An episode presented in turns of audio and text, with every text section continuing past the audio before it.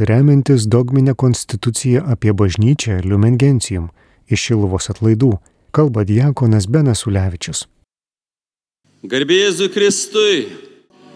Šiandien pažvelkime į pagrindinę antrojo skyriaus mintį. Antrasis skyrius kalba apie bažnyčią kaip apie Dievo tautą, apie Dievo žmonės. Pradžiai pacituosiu kelias eilutes. Šitos tautos, tai yra Dievo tautos būsena, yra Dievo vaikų, kurių širdyse kaip šventovėje gyvena šventoji dvasia, orumas ir laisvė. Jos įstatymas yra naujas įsakymas mylėti taip, kaip pats Kristus mus mylėjo. Ir šios Dievo tautos tikslas yra toliau plėsti paties Dievo pradėtą žemėje Dievo karalystę. Taigi Dievo vaikai suburti į Dievo tautą, į visuotinę Dievo tautą. Šitos tautos pagrindas ne kuri nors žemiška tauta, bet dangiška, amžino gyvenimo gyventojų tauta. Nes mes būdami Kristaus iš anksto pradedam gyventi amžino gyvenimo įvadą šioje žemėje. Taigi svarbiausia, kas mūsų gyvenime yra nutikę, o verta apie tai pagalvoti karts nuo karto, nes žmogus, kuris nesustoja ir nepagalvoja, kas jo gyvenime svarbiausia, labai greitai pradeda vaikytis visokių mažiau svarbių dalykų ir padaro juos savo gyvenimo dievais. Valdžia, garbė, pinigai, daiktai, noras pagyventi truputį ilgiau dar. Geri dalykai, bet tai nėra mūsų gyvenimo pamatas. Tad vertinga ir svarbu užduoti savo klausimą, kas svarbiausia mano gyvenime. Ir koks svarbiausias mano gyvenimo įvykis? Atsakymas atrodo gana paprastas. Aš gimiau. Galėjau negimti. Baisiausia, kas yra įvykę, galimas negimimas. Juk galėjau manęs nebūti šitame pasaulyje. Galėjau nepatirti šito žemiškos kelionės. Todėl mes melzdamiesi visada pirmiausia Dievui ryte tariam, ačiū tau viešpatie, kad mane sukūrėjai kad sukūrė šitą kūrinyje. Toliau, nemažiau svarbus dalykas, kad buvau išgelbėtas, atiduotas Dievui per Kristų, Krikšto sakramentu. Buvau sujungtas su išganytoju, su gelbėtoju, su viešpačiu.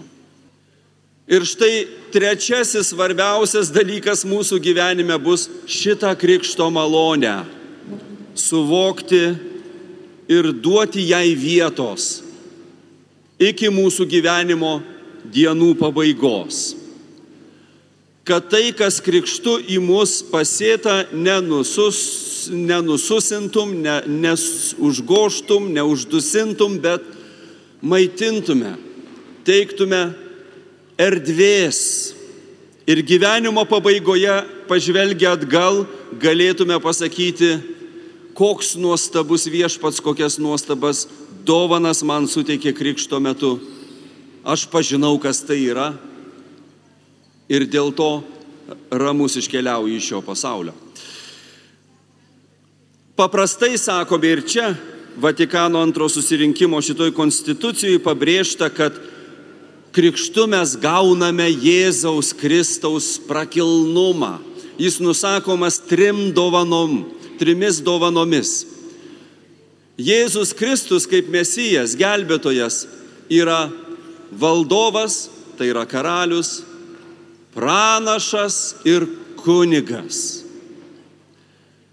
Ir nežinau, kiek ši mintis gal nauja ar girdėta, mes kiekvienas, kiekvienas pakrikštytasis, krikšto metu gauname šitas Kristaus dovanas.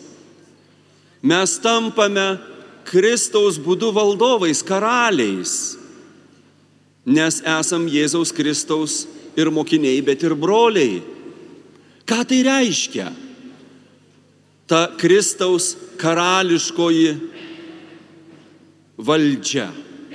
Mano gyvenime tai yra pergalė prieš nuodėmę. Dievo pergalė, mano su Dievu pergalė prieš tamsą, prieš kūno troškimus, kurie nėra blogi, bet jei jų netiduodu Dievui, jie mane visada tempia kažkur šalino to, kas yra svarbiausia. Mat kūnas mėgsta greitus malonumus ir bijo mirti. Taigi mes karaliai su Kristumi. Taip pat mes esam pranašai Kristaus būdu. Ką tai reiškia? Kiekvienas iš mūsų turime ne vien savo žodžius, bet mum padovanotas, patikėtas, įkvėpta šventosios dvasios pilnas, ugnies iš dangaus pripildytas Evangelijos žodis. Geroji naujiena Dievas myli pasaulį, ateik pas Dievą, toks koks esi, jis priims tave į savo glėbį, į savo karalystę ir gyvensi su Dievu. Nuostabi žinia. Mes esam pranašiška tauta, nes jei ne mes, jei mes neduosime šventai dvasiai kalbėti per mus apie šį išgelbėjimą, pasaulis apie tai neišgirs. Na ir trečioji dovana, kurią kiekvienas tikintysis turime su Kristumi, yra Dievo tautos bendroji kunigystė. Ir dažnai čia tenka šitą paaiškinti. Išgirdę sakom ką, ar tai reiškia, kad kiekvienas iš mūsų esame kunigas? Taip, Konstitucija apie bažnyčią taip sako. Krikštu kiekvienas iš mūsų tapome karališkuoju kunigu Kristaus būdu. Labai svarbu suprasti, kad čia mes nekalbame apie tarnaujančiąją kunigystę, apie ją pakalbėsime rytoj, apie ją kalba trečiasis konstitucijos skyrius. Šita bendroji karališkoji kunigystė, kurią kiekvienas turime, tu ir aš, visi kiekvienas pakrikštytas, ši karališka kunigystė iš esmės skiriasi ir rūšimi, ir laipsniu nuo tarnaujančiosios kunigystės, kurią vyskupas suteikia rankų uždėjimu kandidatui į kunigus. Na bet tada įdomu, kokiagi tos mūsų bendrosios kunigystės esmė. Būti kunigu reiškia aukoti aukas, aukoti auką. Kunigas turi turėti auką, kurią aukoja Dievui. Tad kokią auką pasauliečiai, kiekvienas bažnyčios narys kaip kunigas aukoja Dievui. Ir čia noriu pacituoti kartu su Vatikano antrojų susirinkimu, ganytojai, tėvai susirinkimo čia cituoja apaštalą Paulių, kuris sako, Dievo gailestingumu aš prašau jūs, aukoti savo kūnus kaip gyvą, šventą, Dievui patinkančią auką. Taigi, karališkoji kunigystė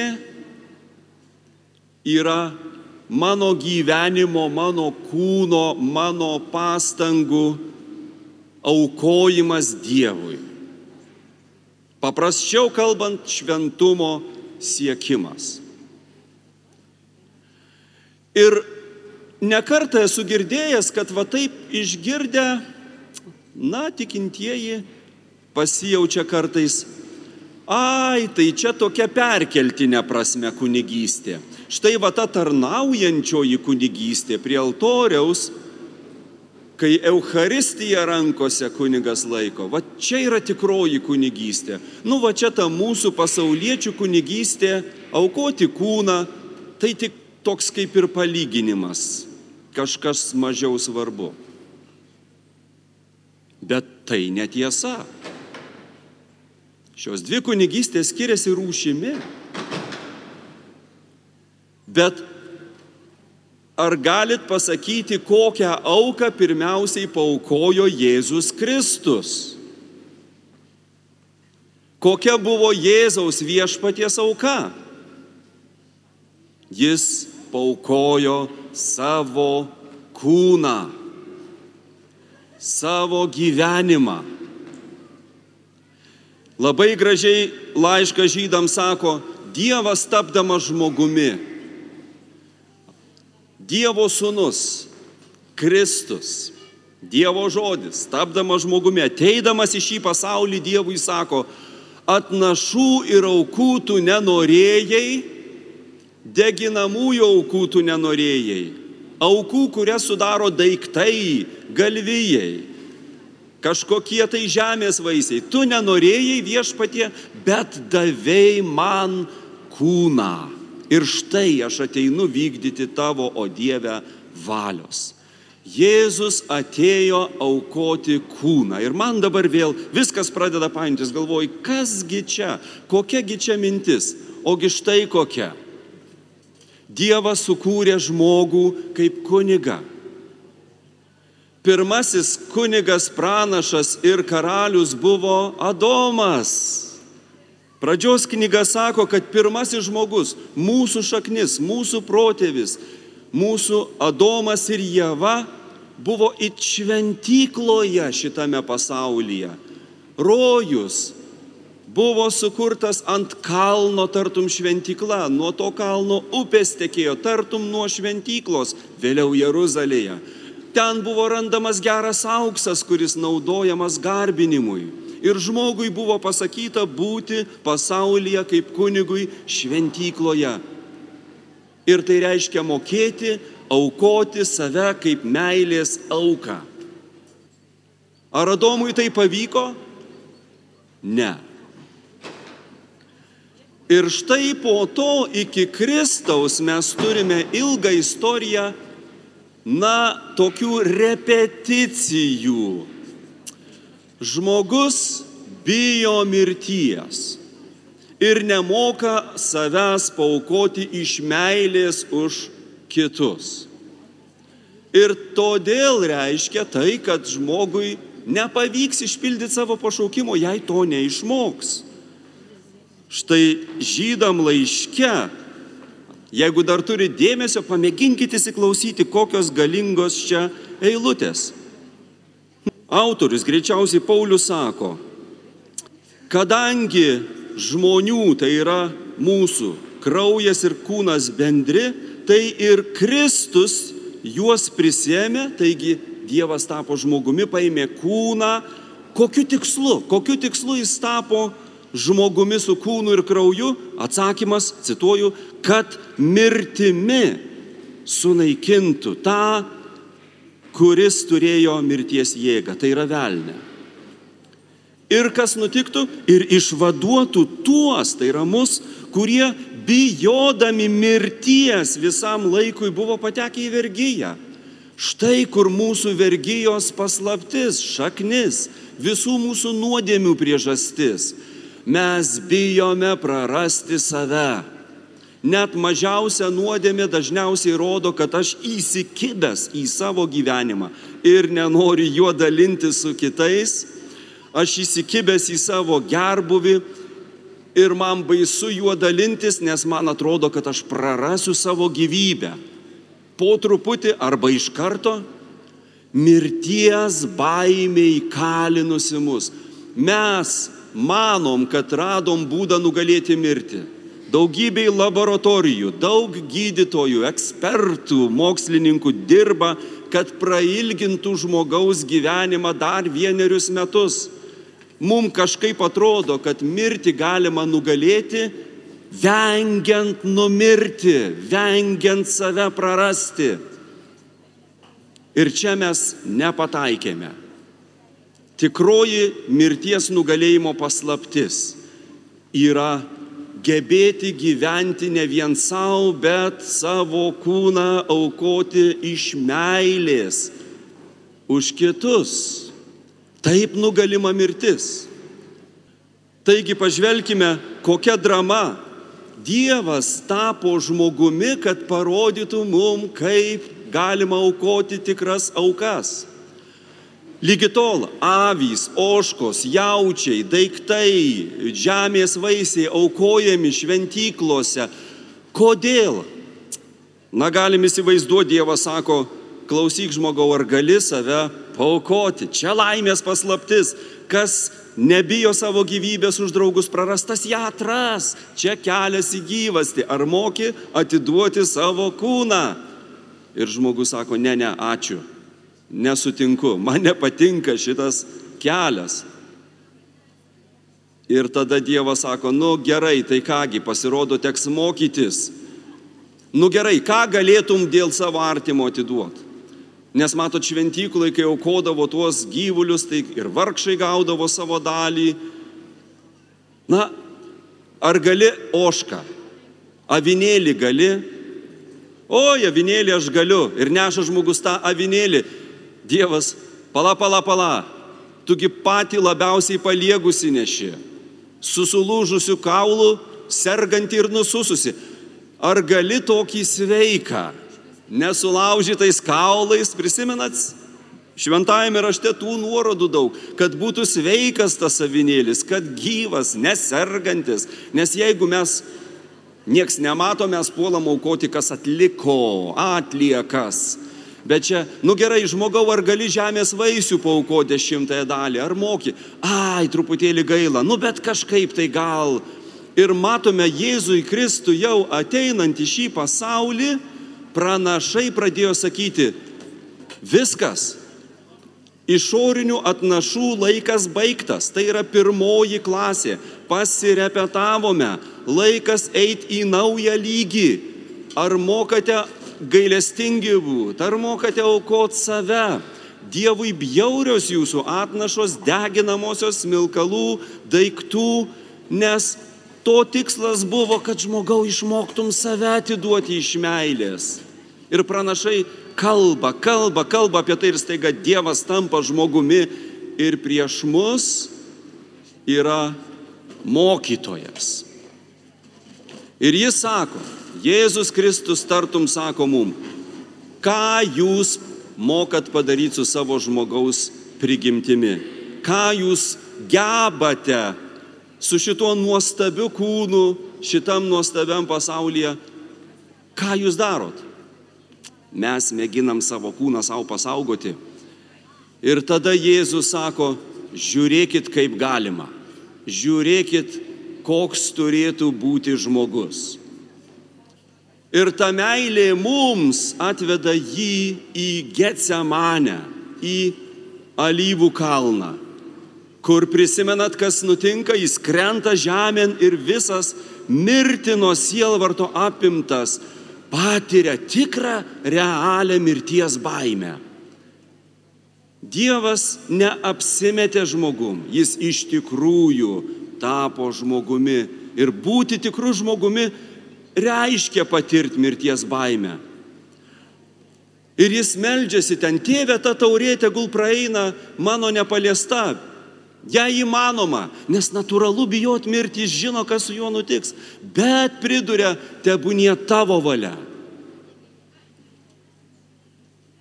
Ir paskaitysiu eilutes pabaigai, kurios pačios keiščiausios, jeigu įsiklausom, kas čia pasakyta. Štai iš žydų laiško žydam. Jis, tai yra Kristus, savo kūno dienomis siuntė maldas bei prašymus su garsiu šauksmu ir ašaromis. Tam, kuris galėjo išgelbėti jį nuo mirties. Prisimenate, mes visi buvom nelaisvėje dėl to, kad bijojo mirti, o čia jis savo maldavimais, virpėdamas prašo, Dieve, išgelbėk mane nuo mirties. Taip. Toliau cituoju. Ir buvo išklausytas dėl savo Dievo baimingumo. Ką? Buvo išklausytas? Kaip buvo išklausytas? Juk jis tiesiai ant kryžiaus atsidūrė. Čia paslaptis.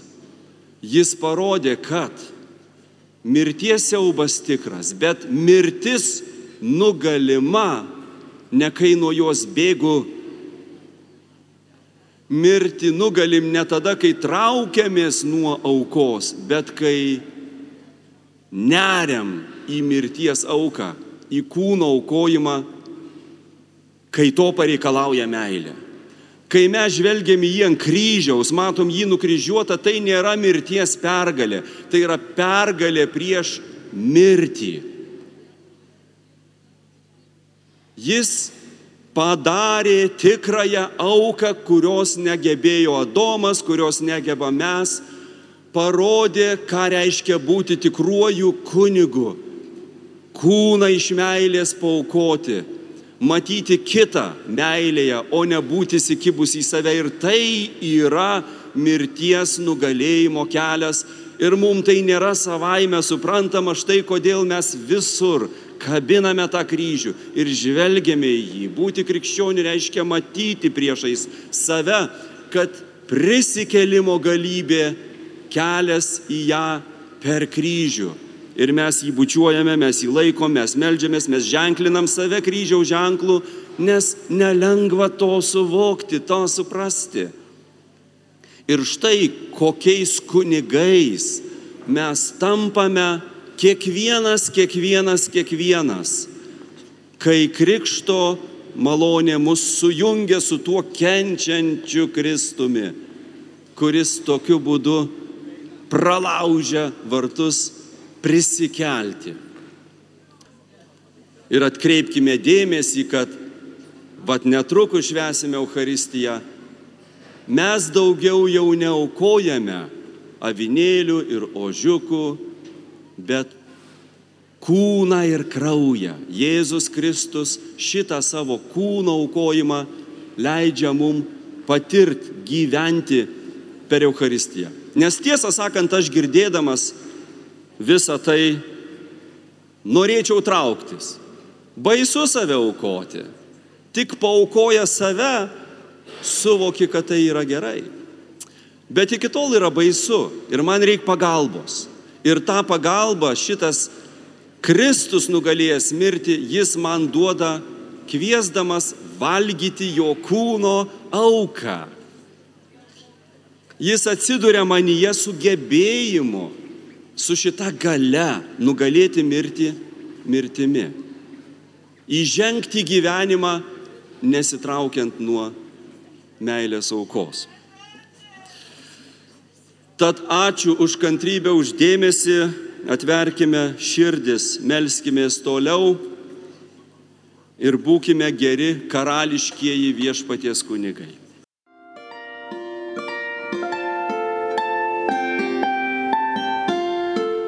Jūs girdite Marijos radiją.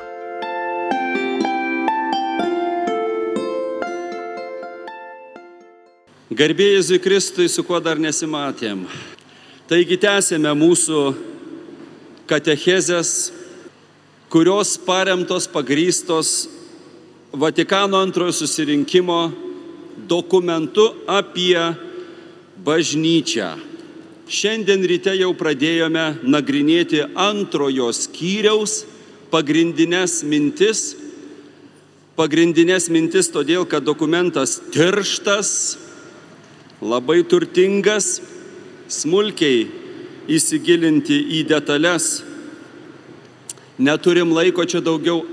Tikslas sužadinti apetitą ir duoti bendrą suvokimą kokios temos rūpi bažnyčiai mūsų šito paskutinio visuotinio susirinkimo metu.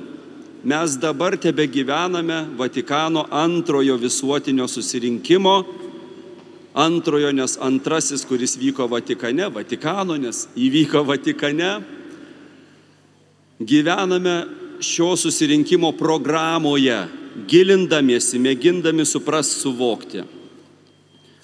Antrasis skyrius kalba apie bažnyčią, apie mus, tave ir mane, apie tikinčiųjų bendruomenę kaip apie Dievo tautą.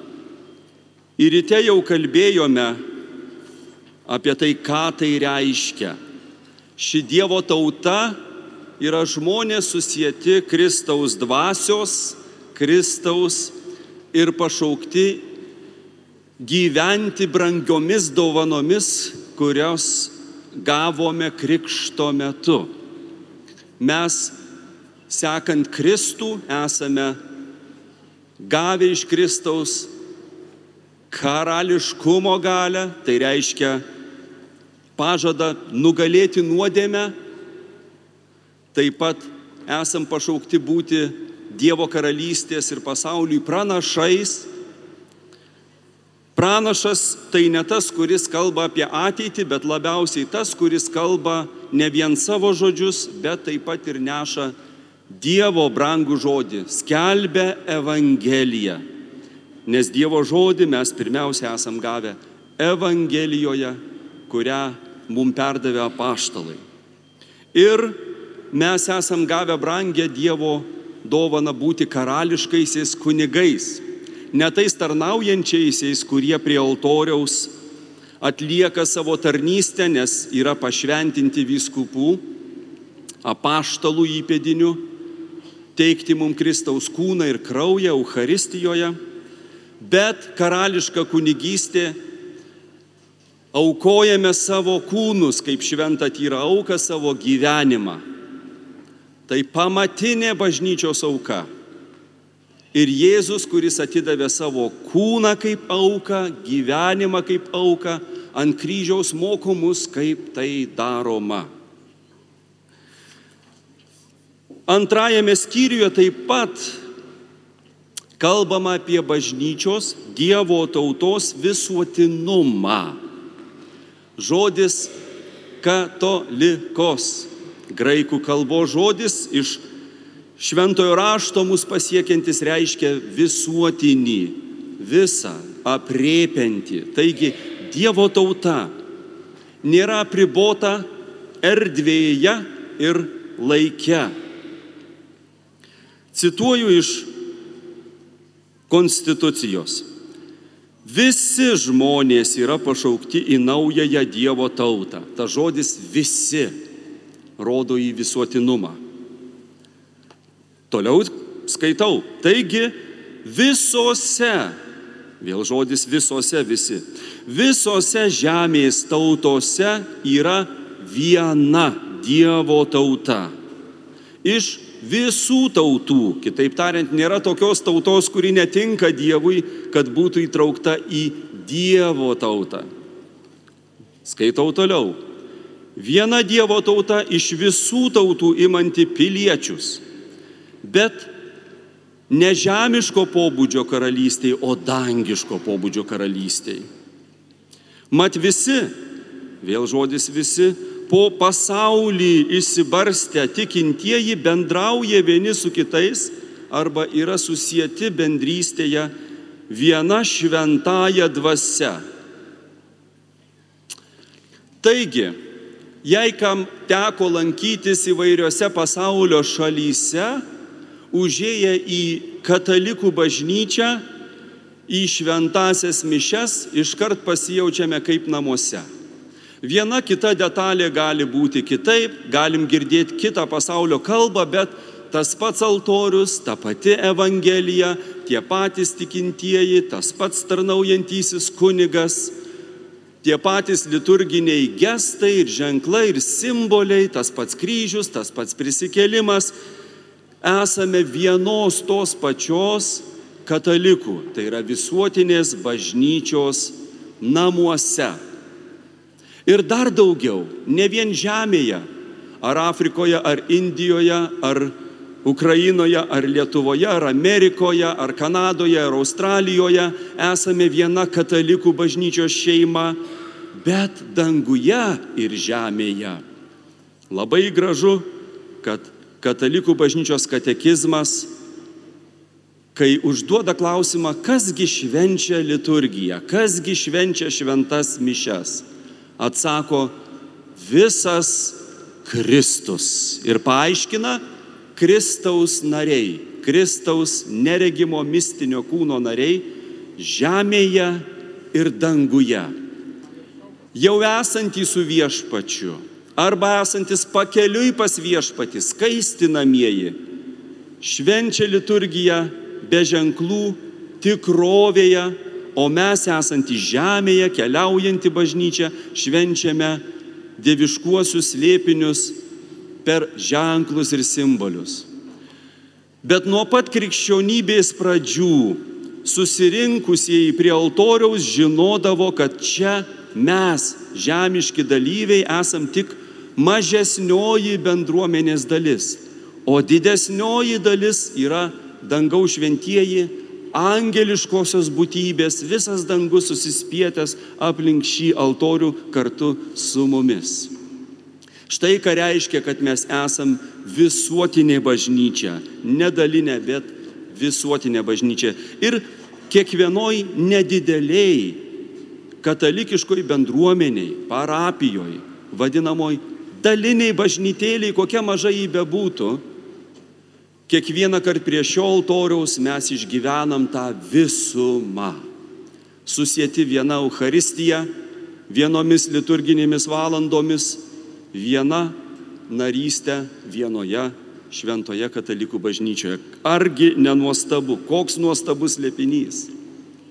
Ir dar vakar minėjau, kad Vatikano antrasis susirinkimas pakvietė mus labiau įvertinti, kad bažnyčia nėra vien sąrašas su įrašytais mūsų vardais parapijos knygoje.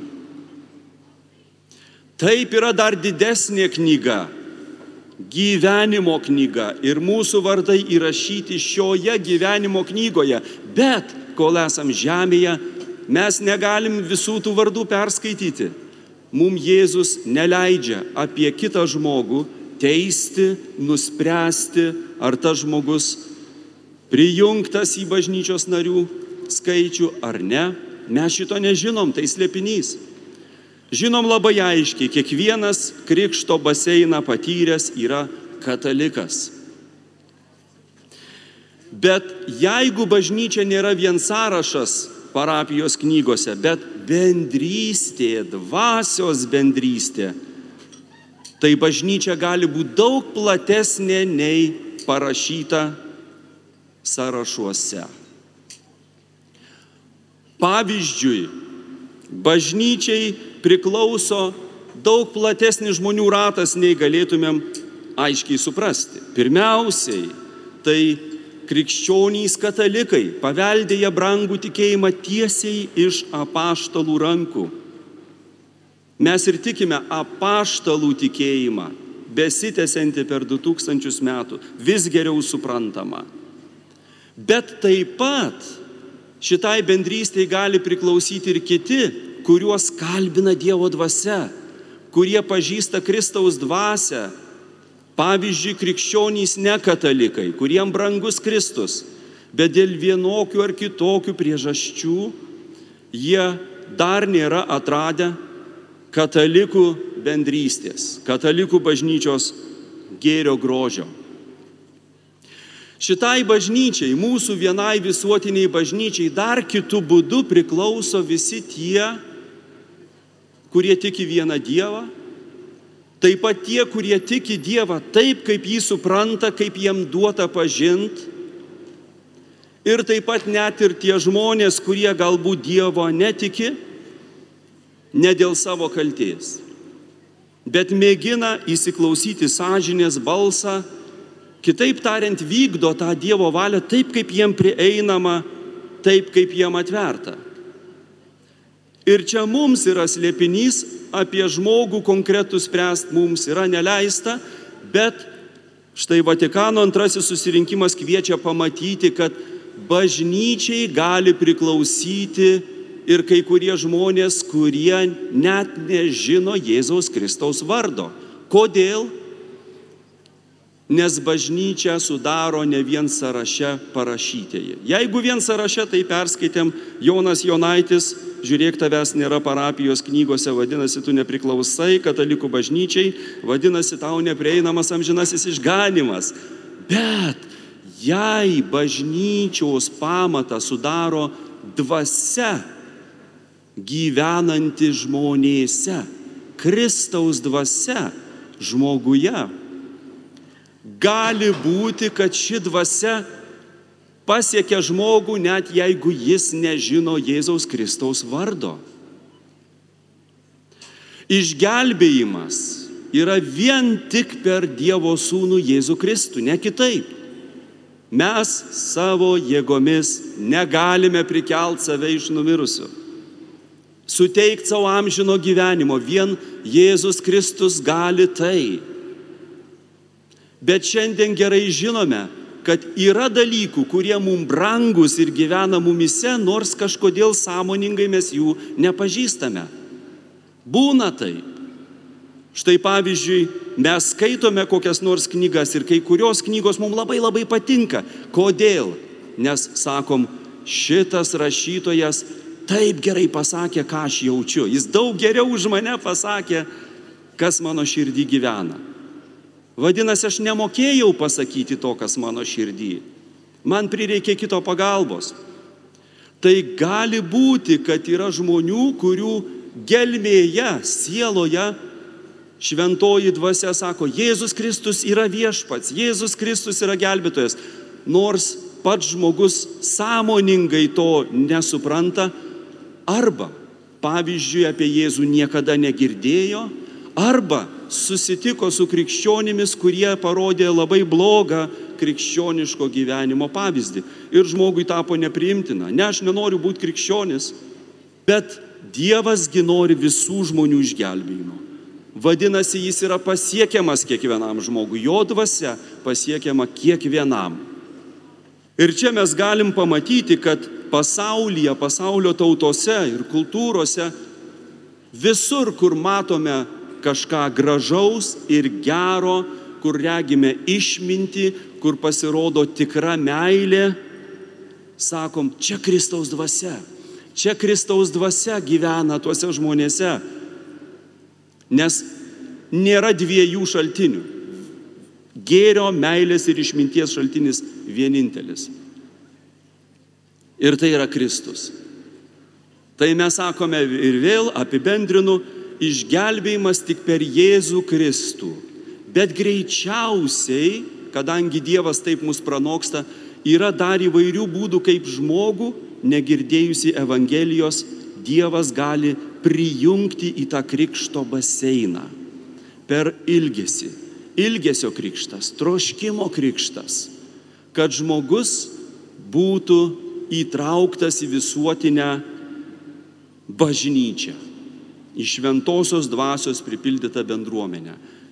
Ir pasakęs tai, Vatikano antrasis susirinkimas kviečia mus dar uoliau skelbti Evangeliją, gerąją naujieną, kviesti tuos, kurie kalbinami Dievo įvairiose kultūrose ir tautose, parodyti Kristaus grožį mums savo gyvenimu, savo žodžiu, liudyjimo žodžiu Ir ne vieną kartą žmogus, kurį Dievo dvasia kalbino, išgirdęs skelbiamą Evangeliją, pasakys, a, tai štai ko aš visuomet ilgėjausi, štai ko mano širdis visuomet troško. Aš žinojau, pažinojau Kristų kažkur širdies gelmėje, bet buvau apie jį negirdėjęs.